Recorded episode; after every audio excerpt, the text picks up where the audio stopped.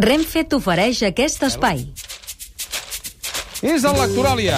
Avui ni rellegits ni fullejats. Tres llibres llegits una altra vegada. Sí, senyor, llegits, rellegits, fullejats i ben païts. Comencem per un llegit molt especial, eh, molt i molt recomanable. Ens l'il·lustra Elton John.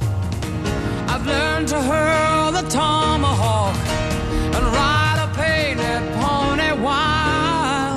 4 L, si sona Indian Sunset. Sí senyor, això és per il·lustrar Sunset Park. Aquest és l'últim Paul Oster. Eh, el trobem en traducció al català de l'Albert Nolla.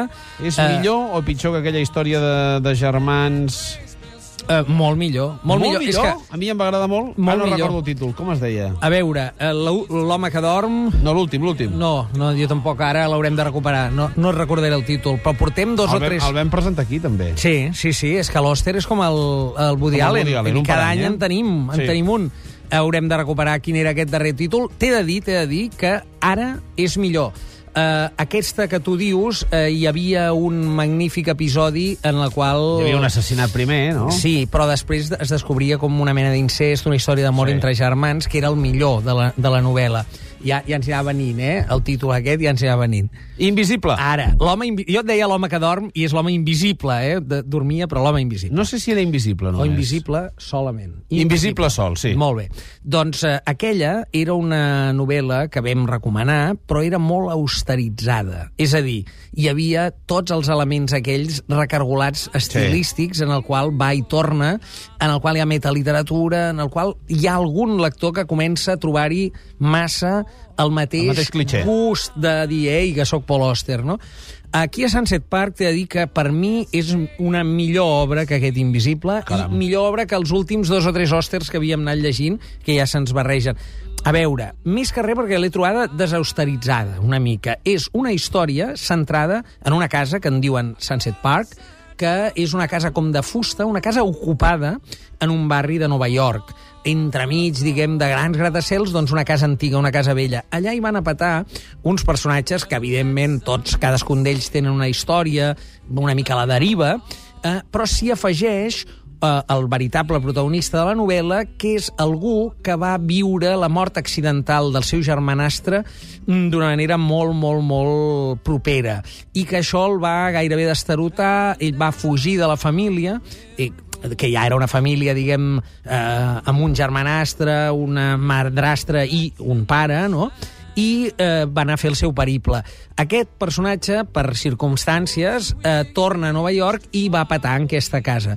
Bé, el anem seguint eh, i jo crec que un dels grans encerts de la novel·la és que aquí deixa estar els experiments, evidentment hi ha atzar, hi ha històries truculentes, però entra en una linealitat aparentment simple, en el qual les coses succeeixen una darrere l'altra, però t'he de dir que això s'agraeix molt perquè la prosa d'Oster ja és prou rica, ja és prou complexa, ja, ja té prous eh, meandres com per a sobre, de vegades, entrar en aquests, eh, diguem, jocs metaliteraris i metalingüístics que ell fa amb eh, notes a peu de, de plana i, to, i tota la pesca, no? De manera que jo he agraït molt aquesta tornada a una certa simplicitat que demostra Sunset Park perquè finalment és la història d'un pare i un fill, és una història generacional, dura, eh, en la qual succeeixen coses com passa a la vida, mm, també són truculentes, eh, hi ha Nova York en estat pur, és a dir, trobem els elements de Paul Auster, uh -huh. els seus lectors, que ja venen de lluny, de fa més de 20 anys, amb aquella trilogia a Nova York, i trobaran tots els elements. Però ningú, crec jo, eh, se'n sentirà exclòs per dir, hòstia, torna a haver-hi aquest tio ara que, saps, que fa metaliteratura, que, que fa tots els seus clixés, no? En aquest sentit, penso que és una bona via, si hi ha gent que no hi ha entrat encara a Paul per entrar-hi, i és molt recomanable. Mots clau. Tenim aquí Nova York, omnipresent, i sempre un personatge. Ara aquí tenim paternitat, allò, un pare i un fill, la paternitat està molt ben treballada, hi ha la depressió també, alguns d'aquests personatges estan com molt, molt ensorrats, hi ha fugida, perquè hi ha una mica de road movie d'aquest personatge, i finalment recerca. Pas endavant! Directament des del disc de la Marató, un pas endavant de Madness per l'elèctrica d'Arma ens serveix per il·lustrar un llibre que en aquest cas té tres estrelles. Sí, senyor. És un llibre eh, d'un títol que mm, eh, no sé si tots, eh, eh, diguem, subscriuríem. Apláudete a ti mismo. I això ho faig quan m'afaito cada matí. Mira, ara, ara ho farem, veus? Faig això. Eh? Sí. Un cop m'he posat l'aftershave, no? Sí. I llavors jo m'aplaudeixo a mi mateix, però a la cara. Aquí diu, ¿cómo superar los obstáculos a través de las arteterapias? Aquí eh, és un llibre de la italiana Monia Presta, eh, una italiana que viu i treballa entre nosaltres i està publicat en castellà per la Luciérnaga.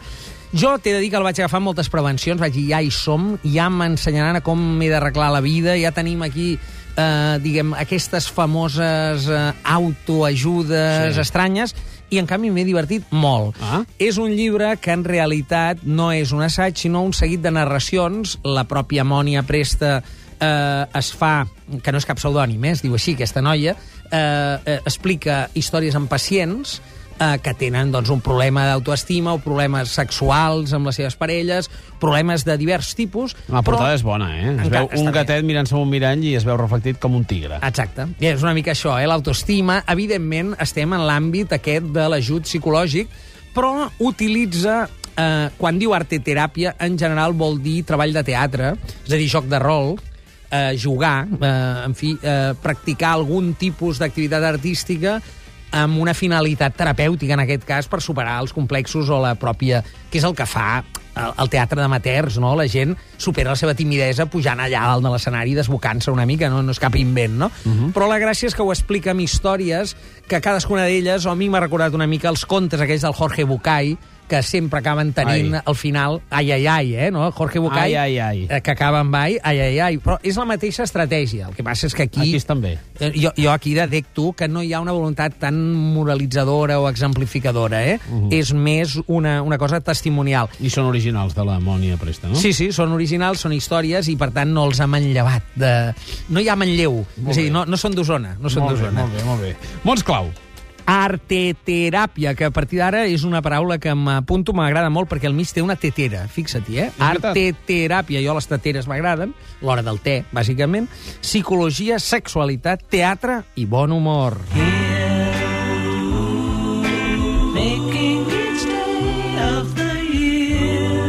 Els Beatles amb Here, There and Everywhere ens il·lustren geografia literària. Sí, senyor. Aquest ja és el tercer volum. Això és una operació una mica eh, curiosa. Jo la, la trobo molt saludable i crec que tothom ho hauria de tenir. Això és una guia, en aquest cas, de les comarques tarragonines i Terres de l'Ebre.